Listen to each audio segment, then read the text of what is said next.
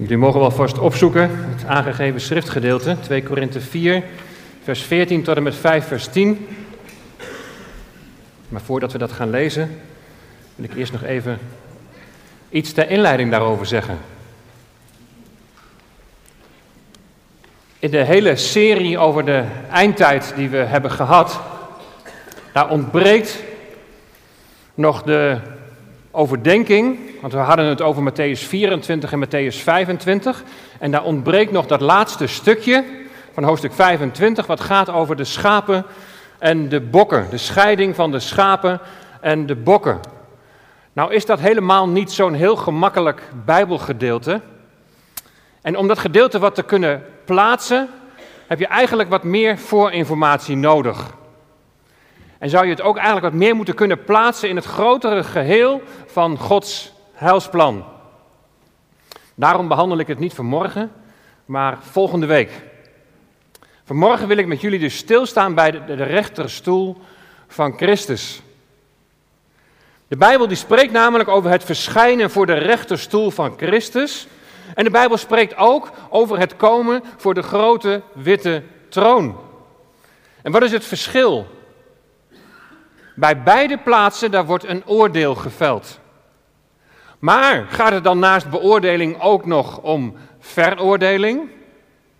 Is er wat dat betreft verschil tussen de rechterstoel en de witte troon? En wie verschijnt nu precies waar? Of is het allemaal één pot nat? Wat opvalt is dat in beide gevallen, zowel voor de rechterstoel van Christus als voor de grote witte troon, dat daar de werken van de mens onder de loep worden genomen. En bij de scheiding van die schapen en die bokken aan het eind van Matthäus 25 zie je precies hetzelfde.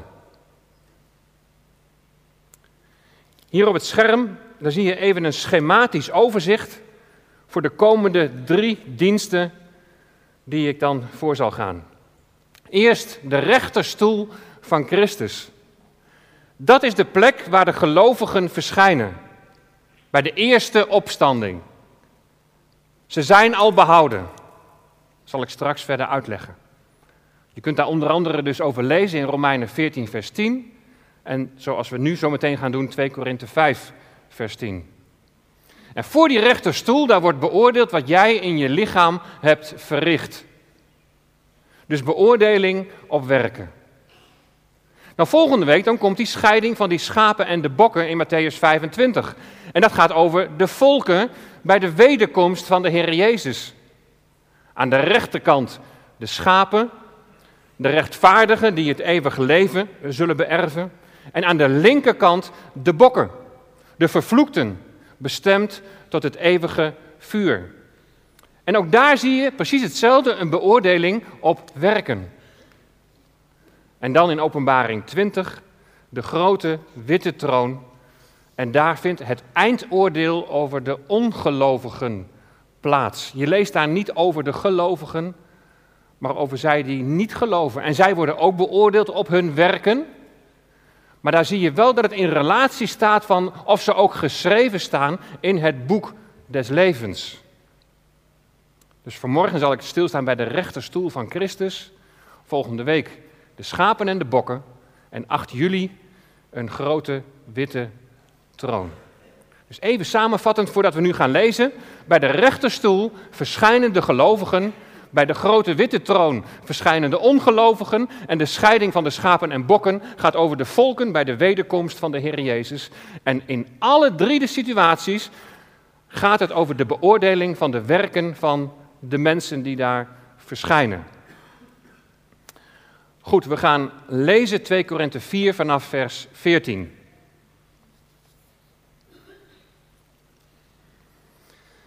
Wij weten, met de nadruk op wij weten, wij weten dat Hij die de Heer Jezus heeft opgewekt, ook ons, net als Jezus, zal opwekken en ons samen met u naar zich toe zal voeren. En dit alles gebeurt omwille van u. Zodat Gods goedheid, die zich door steeds meer mensen verbreidt, ook tot steeds meer dankzegging leidt tot eer van God. Daarom verzaken we onze plicht niet. ook al gaat ons uiterlijke bestaan verloren, ons innerlijke bestaan wordt van dag tot dag vernieuwd. De geringe last die wij dragen, die wij tijdelijk te dragen hebben, die brengt ons een eeuwige luister, die alles omvat en alles overtreft. Wij richten ons niet op de zichtbare dingen, maar op de onzichtbare. Want de zichtbare dingen zijn tijdelijk en de onzichtbare eeuwig. Wij weten dat wanneer onze aardse tent, het lichaam waarin wij wonen, wordt afgebroken, we van God een woning krijgen, een eeuwige, niet door mensenhanden gemaakte woning in de hemel. Wij zuchten in onze aardse tent en zouden willen dat onze hemelse woning er nu al over wordt aangetrokken. We zijn er echter zeker van dat we ook ontkleed niet naakt zullen zijn. Zolang we in onze aardse tent verblijven, zuchten we onder een zware last, omdat we niet willen dat deze kleding wordt uitgetrokken. We willen dat er nieuwe over wordt aangetrokken, zodat het sterfelijke door het leven wordt verslonden.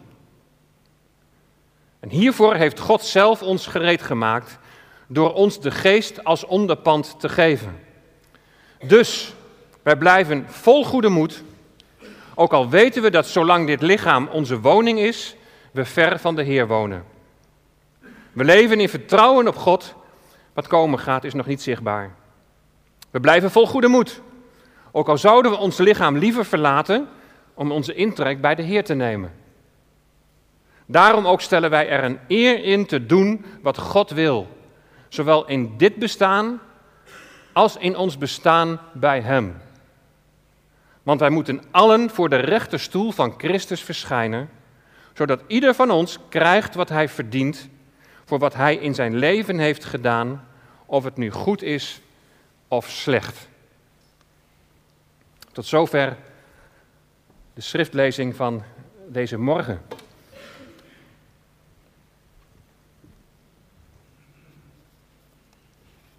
De rechterstoel van Christus. Hier zie je een uh, foto van onze dochter en onze kleindochter. Marieke die heeft de pols gebroken, heel vervelend, maar daar gaat het me wat betreft die foto nu even niet om. Het gaat even om onze kleindochter Lise. Lise die heeft namelijk de avondvierdaagse gelopen. En dit was de laatste avond en ze heeft het volbracht. En zoals je hier kunt zien, krijgt ze een beloning. Een trotse moeder en een blije dochter. Of je zou kunnen zeggen een blije moeder en een trotse dochter. De dochter krijgt een beloning voor wat ze heeft gedaan. Ze krijgt loon naar werken. En misschien klinkt dat voor jou helemaal niet bijbels. Loon naar werken. Strookt dat wel met de genade? Nou, vanmorgen gaat het over beloning. En vanmorgen zal het gaan over loon naar werken. En dat heeft alles te maken, zullen we zien, met de rechterstoel van Christus. De uitdrukking Bema, dat staat voor rechterstoel, dat staat dertien keer in de Bijbel. En dat begrip rechterstoel kom je één keertje tegen in het Oude Testament, in Spreuken 20, vers 8. En daar lees je het volgende: Een koning die op de rechterstoel zit, die schift alle kwaad met zijn ogen. De koning die op de rechterstoel zit, die schift alle kwaad met zijn ogen. Het gaat dus om een koning die plaatsneemt op een bema, dat is een, een, soort podium, dat is een soort verhoging, een soort verhoging voor een koning of voor een rechter of voor een spreker. Zoals we hier op het podium staan, zou dit zeg maar een bema kunnen zijn. Nou, ik ga geen oordeel over jullie vellen, gelukkig. Dat is ook helemaal niet aan mij. Maar zo moet je dat een klein beetje, beetje voorstellen. Dus een koning die plaatsneemt en het heeft met beoordelen te maken. Uit elkaar halen wat kwaad en wat niet kwaad is. Pilatus bijvoorbeeld, die zat op de rechterstoel als rechter en hij zegt dan dat hij geen kwaad kan vinden in de Heer Jezus. Zie je weer dat kwaad en het niet kwaad. Pilatus die beoordeelt Jezus dus op zijn werken. Herodes, hij zit op de rechterstoel als spreker, maar ook wel, wel enigszins als rechter. Hij trekt het koninklijke kleed aan, kun je lezen in Handelingen 12. En dan houdt hij vervolgens op de rechterstoel houdt hij een toespraak tegenover de Tyriërs en de Sidoniërs. Dat waren vijanden van hun en, en die Tyriërs en die Sidoniërs die vroegen om vrede. Ze zijn dus afhankelijk van het vonnis van Herodes, die dus in die zin ook rechter is. Het gaat iets verder dan een toespraak. Ook een stadhouder Gallio neemt plaats op de rechterstoel. En dan moet Paulus voor hem verschijnen, omdat hij mensen over zou halen om God te dienen in strijd met de wet. Ook hij wordt beoordeeld. Handelingen 18. En tenslotte Paulus, die in Caesarea voor de rechterstoel van Festus moet verschijnen. En de vraag is of zij iets onbehoorlijks in hem zullen vinden. Uit elkaar halen wat kwaad en wat niet kwaad is. Dus ook een beoordeling op grond van werken. Tot dusver gaat het dus om aardse heersers op de Bema die vervolgens een vonnis uitspreken. En dan zijn er twee teksten, je hebt ze net al kunnen zien, waaruit blijkt dat de gelovigen, dat wij zullen komen voor de rechterstoel van Christus. De eerste was Romeinen 14, vers 10. En daar gaat het over hoe gedragen wij ons nou naar onze medebroeder en zuster. En dan staat er in Romeinen 14, vers 10. U echter, wat oordeelt u uw broeder? Of ook u, wat minacht u uw broeder? Wij zullen immers allen voor de rechterstoel van Christus gesteld worden.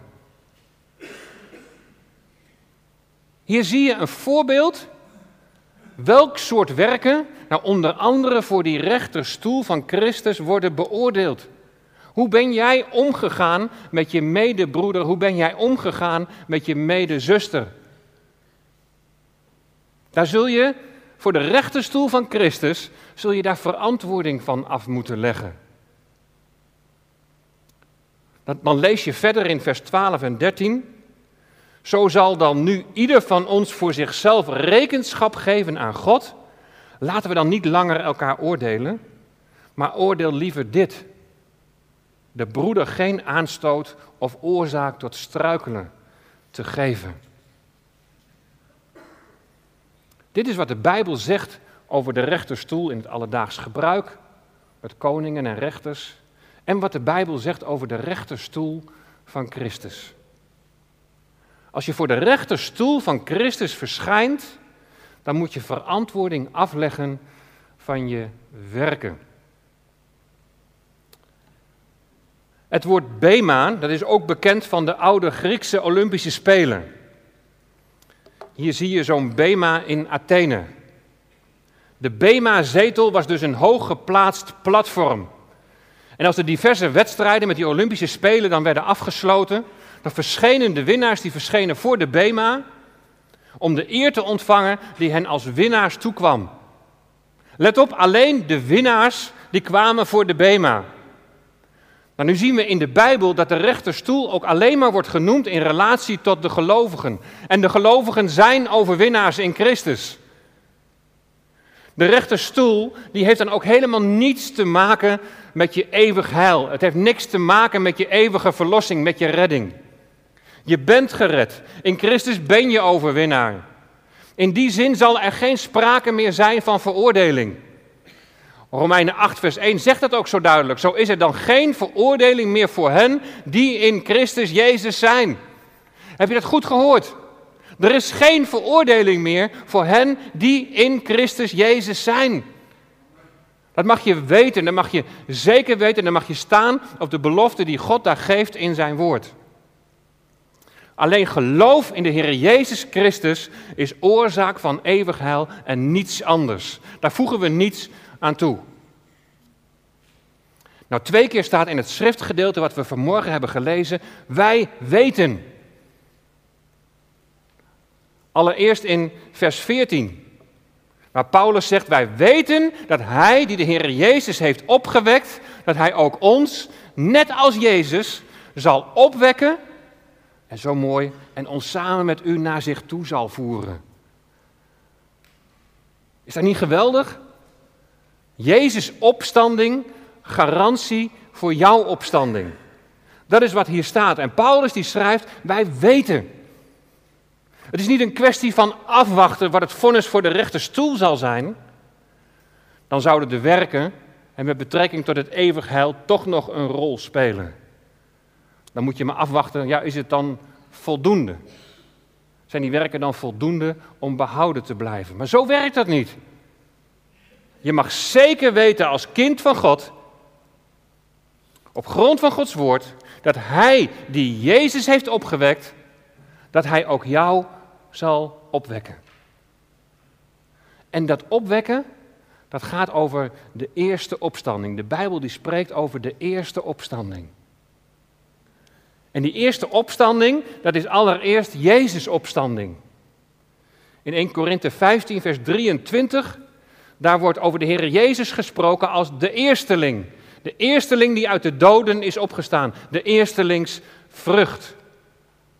Dat is zo bijzonder, zo bijzonder wat daar staat geschreven. In 1 Korinthe 15, vers 22 en 23, daar staat namelijk, want zoals allen in Adam zullen sterven, allen die in Adam zijn, die leven nog in zonde, die, die zijn nog niet verlost, die kennen de Heer Jezus nog niet als hun redder en verlosser. Zo zullen ook in Christus zullen allen levend gemaakt worden. Weer hetzelfde principe. Zijn opstanding, garantie voor jouw opstanding. Zo zullen we allen in Christus levend gemaakt worden. En dan geeft Paulus, die geeft een volgorde aan in dit levend maken. Hij zegt Christus als eersteling. Hij is de eerstelingsvrucht. Hij is die eerste opstanding. En daarna, wie van Christus zijn bij zijn komst. En die zullen dan delen in zijn opstanding. Er is sprake van die eerste opstanding van de gelovigen. Als de bazuin klinkt en als de aartsengel roept en wij de Here tegemoet gaan in de lucht. Er is sprake van die eerste opstanding, want er zijn meerdere momenten. Er is ook sprake van die eerste opstanding van gelovigen, vlak voor het duizendjarig vrederijk tijdens de wederkomst van de Heer Jezus. In Openbaring 20, vers 4, daar zie je dat het gaat over de opstanding van de martelaren die uit de grote verdrukking komen. Dus drie fasen wat die eerste opstanding betreft. Jezus als eersteling, dan de opstanding van de gelovigen als de bazuin klinkt en de aartsengel roept, en de opstanding van de martelaren in de grote verdrukking. Jezus' opstanding, garantie voor hun opstanding, voor jouw opstanding. En deze allen, die van Christus zijn bij zijn komst, die naar hem toegevoerd zullen worden, zoals we dat gelezen hebben, zo mooi gelezen hebben, die komen voor de rechterstoel van Christus. Nou, en met deze voorinformatie zou je het Bijbelgedeelte van vanmorgen moeten lezen. Want wat is er nou aan de hand? Paulus die doet de werken die God voor hem voorbereid heeft. Hij is geroepen om het evangelie te verkondigen. En hij wil daarmee doorgaan, ondanks gevaar voor eigen leven. Dat is de context van 2 Korinthe 4 en 5. Paulus verkondigt het evangelie met gevaar voor eigen leven. En dan is het zo leerzaam voor ons om te zien hoe Paulus daarmee omging. Het is zo leerzaam om te zien hoe zijn hoop op de toekomst een uitwerking heeft in hoe hij nu in het leven staat en God dient. Met dat doel verkrijgen wij ook informatie over de toekomst. Het gaat er niet om dat wij tot in de kleinste details precies weten van hoe het allemaal zal gaan in de toekomst. Ik vind het geweldig als je stapje voor stapje zo wat dingen van dat plan mag gaan ontdekken. Dat is geweldig, prachtig. Maar waar het om gaat is dat die geweldige toekomstverwachting dat die je staande houdt in het heden, hier en nu. Waar het om gaat is dat die geweldige toekomstverwachting je enerzijds kracht geeft om het lijden in de tegenwoordige tijd te dragen. Een lijden dat niet opweegt tegen de heerlijkheid die straks zal komen, zegt de Bijbel. En anderzijds zou die geweldige toekomstverwachting, maar ook het verschijnen voor de rechterstoel van Christus, je moeten aansporen om de werken te doen die God voor jou heeft voorbereid. En, en dan hoef je niet een bediening te hebben zoals Paulus. Maar we hebben al eerder gezien dat die werken ook gewoon heel eenvoudig te maken hebben met hoe ga jij om met je medebroeder en zuster. Paulus doet de werken die God voor hem voorbereid heeft. En hij is zelfs bereid om te sterven voor het evangelie. Want hij redeneert eigenlijk van, ja, nou, de dood is immers niet het einde. En dan komen we bij dat tweede weten. Dat tweede, wij weten zeker.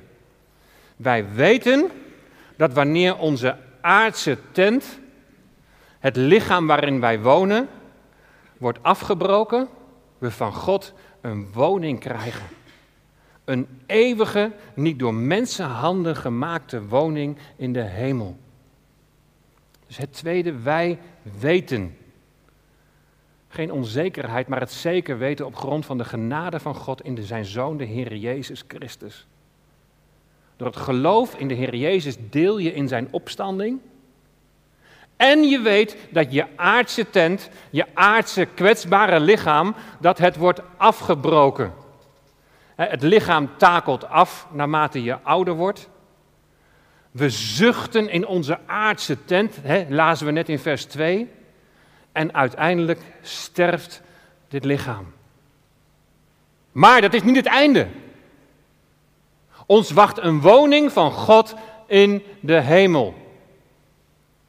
Johannes 14 spreekt over een vaderhuis met vele woningen. En, en die woning is natuurlijk niet letterlijk een woning, Waar het om gaat, dat is dat onvergankelijke opstandingslichaam, onvergankelijke opstandingslichaam, dat je zult ontvangen als een, als een toekomstige behuizing uit de hemel afkomstig. Met andere woorden, je ontvangt een verheerlijkt lichaam. En daarmee zul je, dat is dat overkleed worden. En of je wel of niet overkleed wordt, en straks bij die eerste opstanding dat verheerlijkte lichaam zult ontvangen, hangt niet af van je beoordeling voor de rechterstoel van Christus. Maar door geloof in Hem. We zijn gerechtvaardigd door geloof. Dat het sterfelijke door het leven wordt verslonden. Dat je eeuwig leven ontvangt. Daarvoor heeft God jou al gereed gemaakt. Tenminste, als je in Christus gelooft. En hoe? Nou, we hebben dat net gelezen. In vers 5. Door ons de geest als onderpand te geven. Nou, die geest ontvang je niet pas voor de rechterstoel van Christus op grond van je beoordeling. Nee, de geest heb je ontvangen door geloof in de Heer Jezus Christus. En het is je onderpand geworden voor die eeuwige erfenis. Dat valt ook onder, wij weten. Maar hoe zit het dan met dat loon naar werken? Als Paulus schrijft dat wij allen voor de rechterstoel van Christus moeten verschijnen, dan schrijft hij enerzijds daaraan vooraf van nou, we verliezen de moed niet. Het is, het is niet makkelijk zijn bediening. Liever zou hij het lichaam verlaten en bij de Heer zijn intrek nemen. Heeft alles te maken natuurlijk met tegenwerking, met mensen die hem naar het leven staan. Maar hij verliest de moed niet. Hij houdt vol en hij wil zijn taak volbrengen. Hij wil dat volbrengen wat God aan hem gegeven heeft. Hij geeft niet op. En dat hij niet opgeeft, dat hij wil volbrengen, dat heeft te maken met wat we hebben gelezen in vers 9. Daarom ook stellen wij er een eer in te doen wat God wil. Zowel in dit bestaan als in ons bestaan bij Hem. Dus het beoordelen van je werken, het beoordelen van wat je in je lichaam hebt verricht, heeft te maken met het doen van de wil van God. Doe je altijd de wil van God? Nee. Als je niet de wil van God doet is er dan vergeving mogelijk? Ja. Als wij onze zonden beleiden, is Hij getrouw en rechtvaardig om onze zonden te vergeven. Maar heb je dat ook gedaan? Beleiden, opdat je vergeving ontvangt. Als je niet de wil van God hebt gedaan, is er dan nog correctie, is er dan nog herstel mogelijk? Soms zijn de gevolgen zodanig dat dat niet mogelijk is, maar ook heel vaak wel. En dan ga je alsnog de wil van God doen. Nou, ik wil je vijf beloningen laten zien en dan wordt wel duidelijk wat onder die werken wordt verstaan, die zullen worden beoordeeld. Ja, Hanno, je zit niet op je eigen plek, hè? Waar zat je ook alweer daar? Ja. Ik kan me nog herinneren dat ik ooit een keer zijdelings over de rechterstoel heb gesproken. En dat iemand het niet helemaal met die uitleg eens was. En toen heb jij wat nageluisterd. Toen zei je, nou, ik sta er wel helemaal achter. Maar misschien kun je nog eens een keer wat uitgebreider behandelen. En met name dan ook bij dat loon stilstaan, wat dat nou precies is. Dat heb je ook nog wel even wat informatie aangereikt zelfs. Kijk, zo werkt het in het onderwijsteam. We houden elkaar scherp, we toetsen, en, maar we helpen elkaar. En zo is het mooi om met elkaar bezig te zijn. Hoe zit het nou met, met die beloningen, met die vijf beloningen? De eerste, de krans van de gerechtigheid.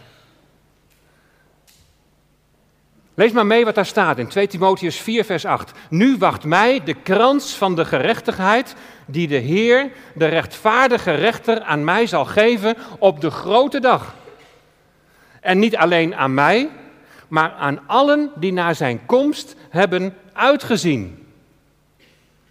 Dus een van die werken is dat je hebt uitgezien naar de komst van de Heer Jezus. In je relatie met de Heer Jezus zie je uit naar de komst van Hem die zijn leven voor jou gaf. Dat is de wil van God. Dat betekent niet dat je het wel prettig vindt om je geliefden hier achter te laten. Nee, je ziet uit naar zijn komst. Het moment dat hij zijn gemeente zal thuishalen. Het moment dat de bezuin zal klinken. Je ziet uit naar het moment dat die aartsengel zal roepen. En dan zullen we hem ontmoeten. Dat is een verlangen, een diep verlangen in je hart. En in die blijde verwachting leef je iedere dag en elk moment. Want hij leeft in jou door zijn geest. Bedenk je de dingen die boven zijn. Daar heeft Paulus het ook over in dit schriftgedeelte. Waar ben je mee bezig? Ben je bezig alleen maar met dit aardse, met dit materiële? Of zijn je ogen op Jezus gericht? Zijn je ogen gericht op het eeuwige? Op het heilsplan van God, waarin Hij alles wil herstellen van deze schepping en ook de mens wil herstellen. Tot eer van Hem. Bedenk je de dingen die boven zijn, of zit je nog verkleefd aan het aardse en het materiële? Als dat laatste het geval is, dan zal dat de vuurproef niet kunnen doorstaan. Nogmaals, heeft niks met eeuwig heil, met eeuwige verlossing te maken, maar met loon naar werken. De tweede, de kroon des levens. In Jacobus 1, vers 12, daar staat: Zalig is de man die verzoeking verdraagt, want als hij beproefd gebleken is, zal hij de kroon van het leven ontvangen, die de Heere beloofd heeft aan hem die hem liefhebben. In Openbaring 2, vers 10 staat iets soortgelijks. Wees niet bevreesd voor wat u lijden zult. Zie de duivel zal sommigen van u in de gevangenis werpen, opdat u verzocht wordt. En u zult een verdrukking hebben van tien dagen. Wees trouw tot in de dood en ik zal u de kroon van het leven geven. Deze kroon ontvang je als je hebt geleden om de naam van Christus. Ga je dit lijden bij voorbaat uit de weg, dan kunnen de werken die vuurproef niet weerstaan. Dat is hout, hooi of stro. Ga je dit, lijden, ga je dit lijden niet uit de weg, zoals Paulus zei, ik wil dat doen wat God mij opgedragen heeft, wat het mij ook kost, dan zijn het werken van goud, zilver en edelstenen. Ze zullen van elke smet worden gereinigd en zo uit het vuur komen. En de edelstenen, die zo prachtig flonkeren, die zijn al een voorheen, vooruitwijzing naar de heerlijkheid van God, de heerlijkheid van de Heer Jezus Christus, die jij in jouw leven nu mag weerspiegelen. Er zijn mensen die over drie weken hier zullen worden gedoopt. En die mensen die betalen een prijs. Afkeuring uit hun omgeving. Als je weet dat dit voor jou Gods wil is en je doet het niet, en dat geldt voor alles, waarvan je weet dat het Gods wil is, maar je doet het niet, dan kan dat werk kan de vuurproef niet doorstaan. De derde, de krans van de heerlijkheid. Oudsten opgelet. De ouderlingen onder u roep ik ertoe op, als mede-ouderling en getuige van het lijden van Christus en deelgenoot van de heerlijkheid die geopenbaard zal worden, hoed de kudde van God die bij u is en houd daar toezicht op, niet gedwongen, maar vrijwillig. Niet uit winstbejag, maar bereidwillig. Ook niet als mensen die heerschappij voeren over het erfdeel van de Here, maar als mensen die voorbeelden voor de kudde geworden zijn. En als de opperherder verschijnt, dan zult u de onverwelkbare krans van de heerlijkheid verkrijgen. Zij die trouw geweest zijn in het dienen en het leiden en het voeden van de gemeente van Christus, die zullen straks deze krans ontvangen. Mensen die bereid waren als dienaar van de Heer om de gemeente te dienen. Goud, zilver en edelstenen, waarbij niet de mens eer ontvangt, maar de Heer die kracht gegeven heeft om te dienen. De onvergankelijke krans is de volgende, de vierde. 1 Korinthe 9, vers 24 tot 27 tot 25. Weet u niet dat zij die in de renbaan lopen, allen wel lopen, maar dat slechts één de prijs ontvangt? Loop dan zo dat u die verkrijgt. En ieder die aan een wedstrijd deelneemt, die beheerst zich in alles. Zij nu doen dat om een, vergankelijk, om een vergankelijke krans te ontvangen, maar wij om een onvergankelijke te ontvangen. Nou, onze kleindochter die liep in de renbaan van de avondvierdaagse en ze werd beloond. Die vier avonden, zes kilometer afleggen, was echter niet een voorwaarde om dochter van haar moeder te kunnen zijn. Zo hebben deze beloningen dus niets te maken met ons kind zijn van God, met ons eeuwig heil in de Heer Jezus Christus. Maar het heeft te maken dus wel met loon naar werken. Een krans die nooit meer zal vergaan voor de mensen die niet opgeven. Als je dienstbaar wilt zijn in de dienst van de Heer, dan ervaar je dat je een strijd moet leveren. Je wordt aangevallen. En dat geldt voor iedereen. Je wordt aangevallen, je wordt teleurgesteld, je wordt ontmoedigd. Er zijn dingen die je gezin, die je geliefden treffen. Je kunt ziek worden. Houd vol. Dingen die je gezin treffen. Dat hebben wij een aantal jaren geleden meegemaakt. Een van de, van de moeilijkste dingen in, in, in de bediening. Als je, je, kinderen aangevallen worden, als je kinderen het moeilijk hebben. Maar je houdt vol en, en je geeft niet op. En dat is vrucht van wat de Heer doet in jou. De onvergankelijke krans is dan loon naar werken. En tenslotte, de vijfde, de kroon van vreugde. 1 Thessalonicense 2 vers 19. Want wat is onze hoop of blijdschap of erekroon? Bent ook u dat niet voor het aangezicht van onze Heer Jezus Christus bij zijn komst? U bent immers onze heerlijkheid en blijdschap. Wat hier staat is, je mag anderen tot de Heer brengen. Je mag zaaien van de hoop die in jou is. En stop dat niet toe, maar wees daar vrijmoedig in. Geef je vrijmoedigheid daarin niet prijs. Wat zegt de Bijbel dan? Die een ruime vergelding heeft te wachten. De kroon van vreugde. U bent immers onze heerlijkheid en blijdschap. Weet je, voor de rechterstoel van Christus, met een verheerlijk lichaam worden niet al je zonden nog eens eventjes stuk voor stuk helemaal uitgemeten. Het gaat niet om je zonden, het gaat om je werken. Is in jou het verlangen om God te dienen? Is in jou het verlangen om Zijn wil te doen? Leef je bewust voor Hem? En waartoe dat loon naar werken? In openbaring 4, daar krijgt Johannes, die krijgt een, op Patmos dat visioen en dan krijgt hij een blik in de hemel. En daar ziet hij 24 oudsten die beeld staan voor alle gelovigen. En die gelovigen die hebben kronen op hun hoofd. Maar die kronen die ontvangen ze als loon op werken.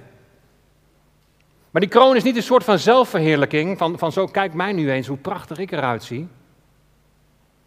In Openbaring 4, vers 10 kun je lezen dat de 24 oudsten zich neerwerpen voor hem die op de troon zat. Het lam op de troon en de oudsten, de gelovigen, buigen voor hem neer. Ze aanbaden hem die leeft in alle eeuwigheid. En dan komt het. En ze wierpen hun kronen neer voor de troon. En ze zeiden: U bent het waard, heren, te ontvangen de heerlijkheid, de eer en de kracht. Want u hebt alle dingen geschapen en door uw wil bestaan zij en zijn zij geschapen.